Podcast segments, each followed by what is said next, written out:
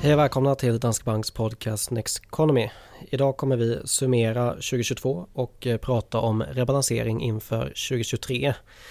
Och eh, vi ska börja det här med att gå igenom årets Aktuellt och eh, det får man nog säga är den kraftiga ränteuppgången som vi har sett. Det har ju påverkat avkastningen i både aktie och räntedelen av portföljen och också såklart eh, hushåll. Mm. Och det var ju lite grann som att vända blad när vi gick från 2021 där det var löften från centralbankerna om evigt låga räntor och prognoserna var att räntorna skulle förbli låga egentligen under hela prognosperioderna. Men sen kom vi in i 2022 och eh, inflationen var redan i hög i USA. Vi såg att den spred sig till andra delar av världen och på väldigt kort tid då så svängde både marknadens förväntningar men också kommunikationen från centralbankerna. Så att räntorna under 2022 har ju stigit till nivåer som jag tror att väldigt få hade väntat sig såväl för svensk del som i omvärlden. Och eh, som exempel bara då att Eh, den amerikanska centralbanken har gått från en ränta på 0% till 4 eh, förutsatt att man då höjer 0,5 ikväll som förväntat. Vi får ett räntebesked i USA efter att vi spelat in den här podden. ECB har gått från minus 0,5 till 2% och Riksbanken då från 0 till 2,5 så att det har ju varit en väldigt snabb räntehöjningscykel i år. Mm, jag bara tänkte på Fed, de kom upp till 4,25-4,50 nu eh, om de höjer 50 punkter här va? Ja men precis, ja, exakt. exakt. Men det här är ju en, en, eh, ny räntemiljö som vi befinner oss i och den är ju väldigt olik den här nollräntemiljön som vi har befunnit oss i i ungefär ett decennium och eh, där det har varit gratis att låna, där det egentligen har bara varit eh, aktier som har gett en avkastning som varit något att räkna med. Alla typer av räntebärande tillgångar har haft en, en låg förväntad avkastning så det är en stor omsvängning vi har sett helt enkelt. Sen tittar man på marknadsräntor då så har vi också sett jättekraftiga rörelser. Den svenska tioårsräntan var 0,3 vid årsskiftet och var som högst uppe på 2,3 procent. Så att en, två, två hela procentenheter vilket ju slår hårt mot avkastningen på obligationer. Sen har det fallit tillbaka lite grann och vår bild är väl att vi förmodligen såg räntetoppen i långräntor här under hösten. Då. Sen kan det säkert vara volatilt, vi kan se räntorna komma upp lite från dagens nivåer men mm. kanske inte så mycket högre än det vi redan har sett hända på marknaden. Nej, precis och eh, effekten har ju blivit att den där räntedelen av portföljen som man vill ska agera stöd har ju inte gjort det i år. Och en sak som har hänt också det är ju att eh, för normalt sett om man kollar på en räntefond då som kanske har lite högre duration alltså lite längre genomsnittlig löptid på, på räntorna i fonden så brukar det vara så att den där ränterisken den diversifierar kreditrisken. För är det så att räntor stiger ja men då brukar ju ändå ha att göra med att eh, tillväxten i ekonomin är god och att eh, de förutsättningarna framöver, alltså när långräntorna stiger. Och då brukar det också innebära att eh, kreditrisken minskar. För om ekonomin är i gott skick så är det ju bättre för företagen. Men nu har ju båda de här, det har alltså spreadat isär när det gäller kreditrisken och, mm. och räntorna stiger. Så det, ja, man har ju tappat på båda delar där. Mm, precis, och det är ju ganska unikt får man säga. Och sen då den här eh, negativa avkastningen som vi sett på räntebärande tillgångsslag den är också extremt sällsynt, lyckligtvis får vi väl säga.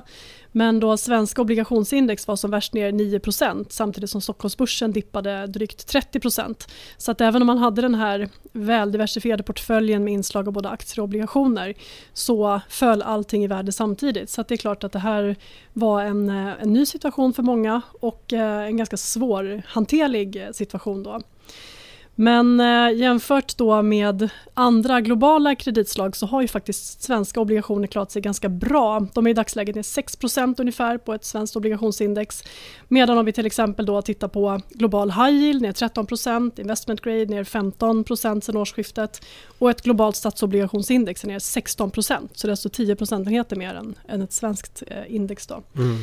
Så det är väldigt kraftiga rörelser på räntemarknaden. Ja, och då är det för att eh, durationen är högre när man kollar på ett globalt index jämfört med ett svenskt då. Mm, exakt. Men vi har ju pratat om det under året också att även om det här sambandet inte har funnits i år, alltså normalt sett så vill man ju att eh, räntefonder går upp när aktier går ner, eller i alla fall att de inte går ner så som de har gjort i år.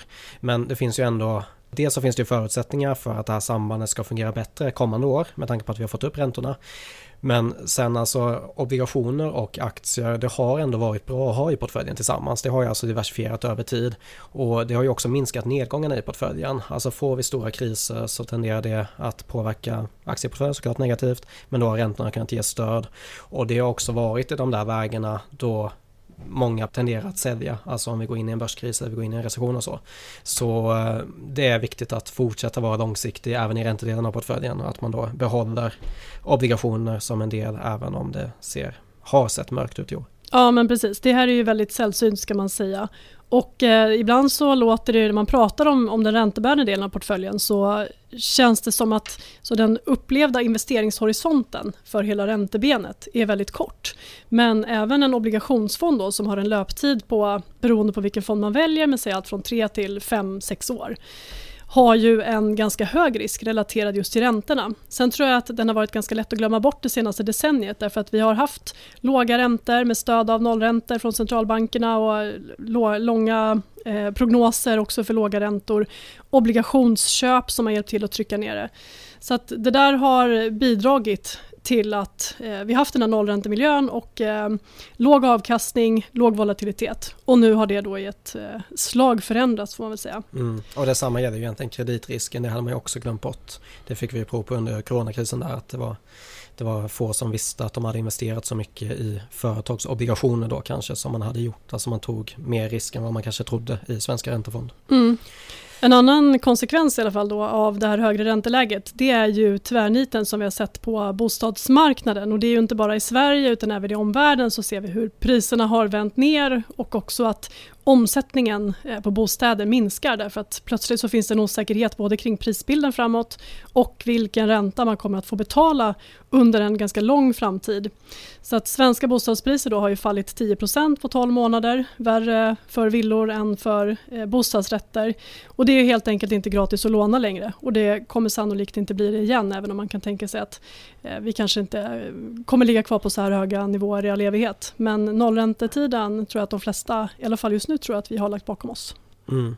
Och det gäller någonstans att vi får i alla fall att man slutar höja före man då kan börja fundera över vad ens räntekostnader kommer bli framöver. Mm. Så det är ju i alla fall det första steget.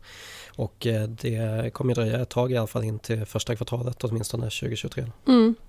Sen eh, en sista grej med anledning av det här med räntorna det är ju att det funnits ett uttryck som vi har återkommit till gång på gång. TINA, there is no alternative, alltså det finns inga alternativ till aktier. Det har ersatts av ett nytt sånt här populärt namn då, TARA, there are reasonable alternatives. Alltså det finns alternativ som kan ge en eh, hyfsad avkastning. Och eh, kan man då få uppåt 3% i avkastning löpande på en i stort sett riskfri obligation så är det klart att det sätter riskerna på börsen i ett annat ljus med tanke på åtstramningen av penningpolitiken, höga räntor, risken för en recession och så vidare. Så mm. att eh, den förväntade avkastningen på räntebenet framåt är ju helt enkelt högre än tidigare. Plus ja. att den stötdämpande effekten som vi då vill se när börsen faller och utsikterna försämras bör vara bättre i ett läge där vi kommer från räntor som ändå är ett par procent och inte från ett ränteläge där långa statsobligationsräntor ligger kring noll. För mm. då blir den effekten väldigt liten. Ja, och som sagt det här relativa spelet då. Alltså om du ska investera i aktier så måste du bli kompenserad för det. Och om den där relativa avkastningen mellan aktier och räntor inte är tillräckligt hög så kommer man ju hellre vilja investera i, i räntefonder. För du vill ju ta så lite risk som möjligt och få så mycket avkastning som möjligt. Mm. Sen för långsiktigt sparande så är det fortfarande så att börsen har en högre förväntad avkastning. För sett över tid, så beroende på vilken tid man tittar på, så där, men så brukar aktier ge kanske 7-10% i avkastning inklusive utdelningar. Och där ligger vi ju inte vad gäller avkastningen på räntor framåt utan för en, en långsiktig investerare som spar till pensionen eller har något annat typ av långsiktigt sparande så är ju börsen fortfarande en lite mer attraktiv plats att ha pengarna på skulle jag säga. Ja absolut och det är det du får betalt för också, den extra risken. Mm. Bra, vi ska gå vidare till eh, nästa del och det är ju då årets fråga. Vad skulle kunna sätta stopp för börsnedgången? Och det är ju en fråga som vi har fått under året. Eh, alltså det här när vänder det igen eller när är det dags att köpa? Den typen av frågor har varit ganska vanliga och eh, många av frågorna, precis som många investerares pengar, tenderar tyvärr att följa börsens rörelser. Så förra årets fråga när vi summerade 2021 var, var istället då vad skulle kunna sätta stopp för börsuppgången? Så eh, om man hela tiden då agerar utifrån börsens rörelser istället för att ha den här tydliga strategin så spelar det egentligen ingen roll vart börsen är på väg. För om man gör det, alltså köper någonstans nära toppen och säljer någonstans eh, på vägen ner eller nära botten, ja då kommer du förlora pengar oavsett vart börsen är på väg. Så eh, bara som en påminnelse om att eh, försöka att undvika att följa rörelserna för mycket och snarare fokusera på den här strategin som man har. Mm. Ehm, men bara om vi ska referera tillbaka till vad vi svarade på förra året, alltså så, så pratar vi om några olika risker inför det här året och eh, där hade vi faktiskt ganska rätt måste man säga. Vi pratar om inflation, vi pratar om policymisstag från centralbanker, vi pratar om en politisk händelse, du nämnde faktiskt både Kina, Taiwan och Ryssland, Ukraina i podden och sen pratar vi även lite om pandemin, omikron höll ju på att spridas där. Mm, och omikron var ju en stor fråga för ett år sedan, för då hade vi väldigt hög smittspridning och vi hade väl börjat kunna ana att eh, den här varianten var mindre allvarlig och att färre eh, dog av den. Men eh, det visade sig ju sen att den här gick ju som en löpeld genom samhället och faktiskt var det som gjorde att vi till slut fick den här flockimmuniteten som vi hade hoppats på. Men på sätt och vis så blev ju omikron ändå en fråga för det här året därför att det har ju varit det som har gjort att Kina har haft en betydligt lägre tillväxt än vad man haft historiskt och som också har fortsatt göra att vi har haft eh, press på globala leveranskedjor och det har ju bidragit till inflationen liksom det här kriget i Ukraina då med utbudsstörningar framförallt på energimarknaden. Så det stämmer väl. Sen policymisstag, ja det kanske det inte har varit, det vet vi nog inte förrän i efterhand om det här var ett policymisstag eller inte men det har ju definitivt varit en, en dramatisk omsvängning av eh, den eh, penningpolitik som vi haft under lång tid som bidragit till att börsuppgången abrupt fick ett slut. Mm.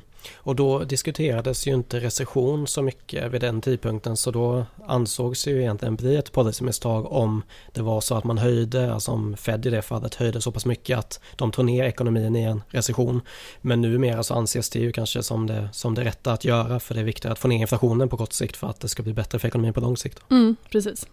Men eh, vi ska gå tillbaka då, alltså det här var ju förra årets fråga, alltså vad kan sätta stopp för börsuppgången? Och nu har vi då årets fråga, vad kan sätta stopp för den här börsnedgången som vi har sett i år?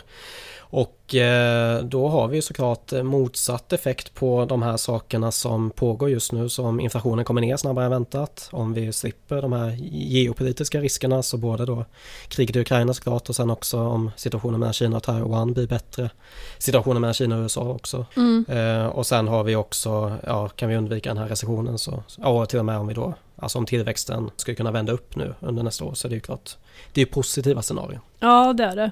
Och jag skulle säga att den, den viktigaste faktorn som vi behöver se det är ju att inflationen fortsätter falla tillbaka och vi har ju idag och eh, igår fått nya inflationssiffror för både USA och Sverige som faktiskt kom in lite lägre än förväntat.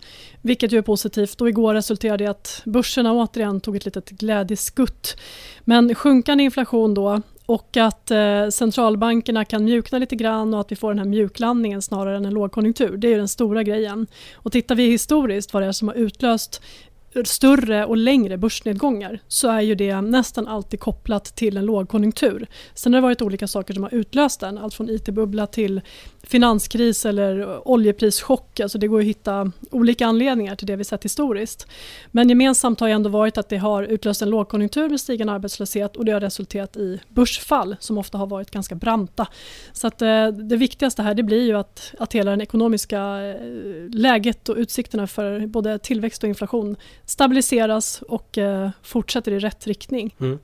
Och eh, vi förespråkar ju oavsett och som vanligt då alltså en långsiktig strategi eh, för att då försöka tajma vad som ska hända kortsiktigt. Så det handlar någonstans om att fokusera på det man kan kontrollera för man kan ju inte kontrollera de här makroekonomiska riskerna. De kommer komma och de kommer fortsätta komma. Men det man kan kontrollera är ju hur mycket risk man tar i portföljen. Tar man en risk som man kan hantera. Man kan ju kontrollera vilken strategi man har, att man följer den och man kan ju också kontrollera hur mycket man sparar. Det är också ett sätt att då få en större summa pengar över tid. Och eh, då gäller det någonstans att man funderar över de här sakerna som man kan kontrollera. Mm. Alltså på lång sikt och, och fokusera på det istället. Och en sån sak eh, som vi ska prata om nu som gör egentligen dagens ämne då det är ju den här rebalanseringen av portföljen. Alltså hur ska man tänka med portföljen inför 2023? Och eh, som sagt, att ha rätt risk är viktigt och eh, under ett år så kommer det vara så att olika tillgångar, olika typer av obligationer, olika typer av aktieregioner, olika sektorer kommer gå olika och då gäller det ju att återställa balansen i portföljen så man inte tar för mycket risk i kanske då en aktieregion eller en särskild sektor eller en typ av obligation till exempel. Mm. Och då kan vi bara börja med att konstatera då att eh, i år så har vi haft en ganska stor spridning i hur olika tillgångsslag, olika eh, sektorer, börser ehm, eh, och regioner har utvecklats. Så att exempelvis då så är ju USA som är mer räntekänslig marknad med högt värderade bolag ner 16% Nasdaq-index som har satsat mer åt teknikhållet är ner 28% fortfarande sedan årsskiftet trots den här uppgången som vi sett den senaste tiden. Så att pressen på den typen av bolag har då varit väldigt stor. Däremot så har Europa faktiskt klarat sig väldigt bra. Här har vi mer lågt värderade värdebolag. Vi har en ganska hög andel defensiva sektorer. Drygt eh, en tredjedel faktiskt är defensiva sektorer på de europeiska börserna idag. Och sen har vi rätt mycket banker också som faktiskt mår bra i den här miljön med stigande räntor. Så att relativt sett om man haft en, en bra riskspridning från början så bör Europa ha vuxit till sig lite grann och USA minska som andel av portföljen och även då förstås Stockholmsbörsen har ju eh, tillhört en av de sämsta aktiemarknaderna i år och många har ju en betydande andel svenska aktier i sin portfölj så det innebär ju att just den svenska delen faktiskt kan ha minskat mer än andra och då mm. kan det vara läge att titta på att återställa det där. Ja precis och, och själva principen här är ju varför man ska diversifiera över regioner är ju att om det händer någonting oväntat någonstans i världen så vill det ju inte att hela portföljen kraschar ihop. Eh, exemplet under 2021 var ju egentligen Kina som gick väldigt svagt och det tog ju med sig emerging markets, alltså tillväxtmarknaden ner. Och det var ju både de här regleringarna i IT-sektorn, vi hade Evergrande, det här fastighetsbolaget och sen då nolltoleransen vid nya eh, coronautbrott. Och det är ju inte så många som sitter med 100% tillväxtmarknad i portföljen, det ska man nog inte förvänta sig. Men eh, det kan ju hända en annan region också och i år är det faktiskt Sverige som ligger i botten. Mm. Och eh, har man då för mycket Sverige så kommer man ju Ja, portföljen kommer ju gå väldigt svagt i år då om man sitter på, som det brukar vara, kanske 70-80% eh, svenska aktier i mm. en svensk portfölj. Men eh, hade man då istället haft en global diversifiering i år så har vi ju fått, eh, vi har fått hjälp av kronan. Så en global portfölj den är, den är knappt på minus ens i år. Alltså om man kollar på globala aktier i svenska kronor. Så det där har ju diversifierat den svenska delen väldigt bra i år. Mm. Ehm, så det, det kan ju vara återigen då en påminnelse om att om man sprider riskerna globalt. Eh, det är ju egentligen så kan man nästan säga att alla år är bra exempel på det för det tenderar att skifta ganska mycket men i år är ju särskilt ett sånt år med tanke på att många svenskar sitter på mycket i Sverige. Mm. Och svenska börsen är ju lite grann eh, som eh, den globala på steroider. Alltså går det riktigt dåligt ett år så går Stockholmsbörsen ännu sämre och går det riktigt bra så går Stockholmsbörsen ännu bättre och det såg vi 2021 också när Stockholmsbörsen var en av de bästa i världen med en uppgång på över 35% och sen i år som sagt ner drygt 30 när det var som allra värst. Och sen nu en uppgång på över 20% från botten till följd av lite starkare risksentiment och tecken på att inflationen har toppat och sådär. Och då får vi alltså de här jätterörelserna. Och det i sig kan ju vara stressande också. Och eh, att man tar den typen av hög risk är ju inte alls någon garanti för att man över tid kommer få en högre avkastning än om man hade spritt risken. Så att, att sprida riskerna, ha den här mer globala riskspridningen. Har man mycket svenska aktier, kanske tänka på för 2023 då att man adderar annat. Eh, sparande i, i globala aktier, i andra aktiemarknader. Se till att man har en bra spridning över sektorer också. Mm. Vi vet ju att eh, de fonder som såg störst inflöden under 2021 det var ju branschfonder, teknikfonder, mycket teknikbolag som fick väldigt många nya aktieägare efter att ha gått väldigt starkt då. Och de har ju haft ett otroligt tufft år, många av de här aktierna i år. Så tittar man på förlorarlistan så hittar vi mycket av det som var vinnare under pandemin och som då lockade väldigt mycket sparare och kapital. Mm. Så att diversifiera det också. Tror man fortfarande på bolaget så kan man ju såklart ha kvar det men se till att man adderar den här grundportföljen som man gradvis bygger upp som består av globala aktier och exponering mot alla sektorer, inte bara tillväxtbolag. För på tid, över tid så kommer det ge en både bättre riskjusterad avkastning och betydligt mindre stress också när någonting inte utvecklas som man tror. Mm. Och när det kommer till det här med rebalansering så tycker jag att man ska tänka på sin portfölj som en trädgård. Det var inte jag som kom på det, det är Burton Malkiel i A Random Walk Down Wall Street. Jag tror det var han som började med det. Men i alla fall, om ett träd i den här trädgården växer sig för stort så bör man alltså kapa lite av det trädet för att kunna ge plats åt andra träd. Eller så köper man en större trädgård. Det blir ju då att man helt enkelt tar utomstående kapital och eh, sätter in i portföljen. Men det viktiga är någonstans att portföljen är i balans så att man behåller rätt risknivå över tid. Man vill alltså inte vakna upp mitt i en börskrasch och inse att man har för mycket risk i portföljen för att man inte har rebalanserat.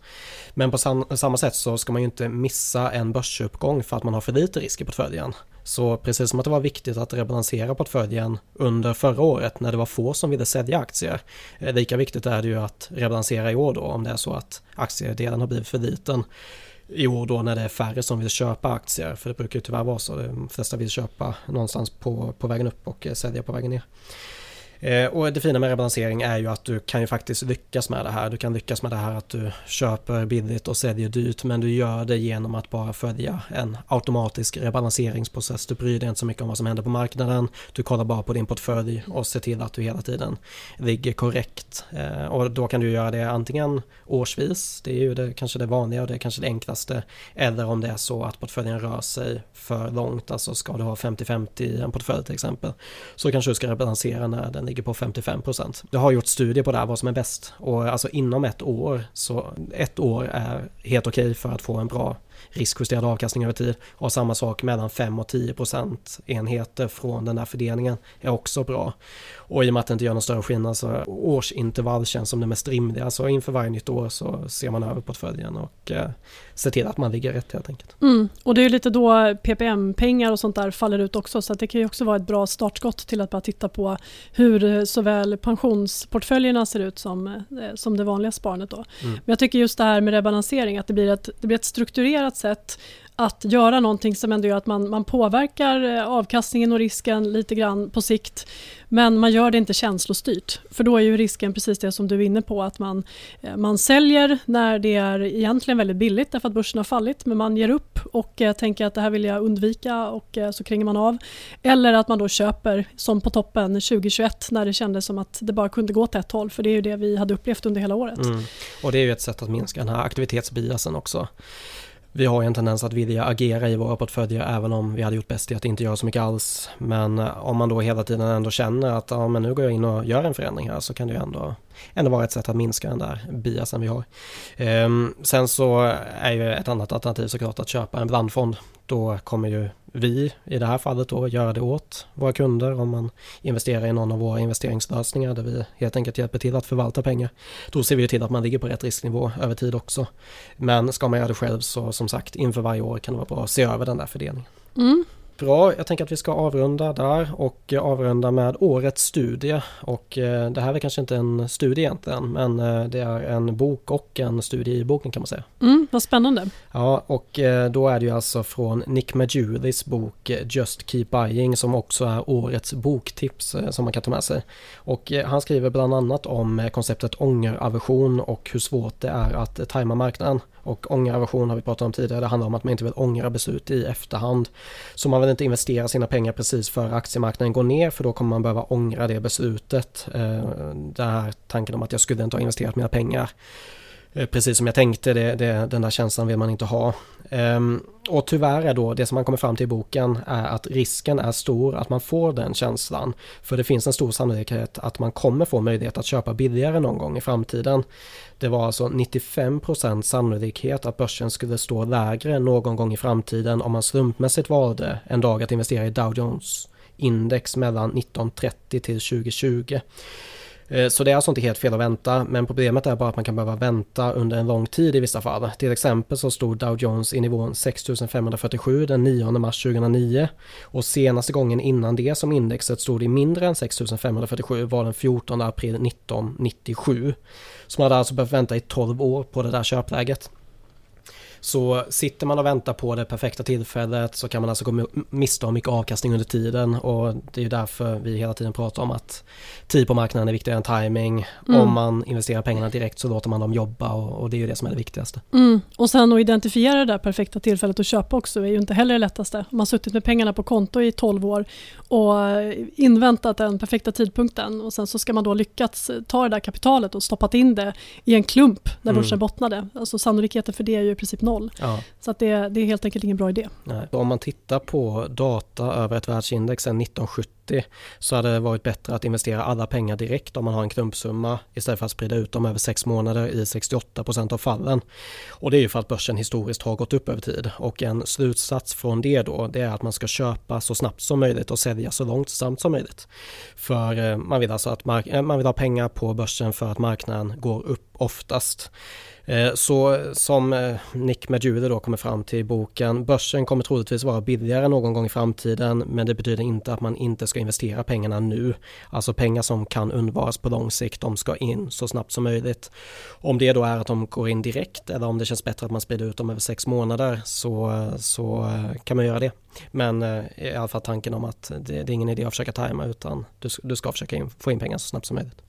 Och bara för att säga någonting om eh, boken då, alltså själva boktipset, det är ju alltså då Nick Majuli som jag varit inne på som har skrivit den här eh, Just Keep Buying och han driver en aktieblogg som heter Of Dollars and Data där han använder mycket data och grafer när han skriver och boken är då baserad på populära blogginlägg.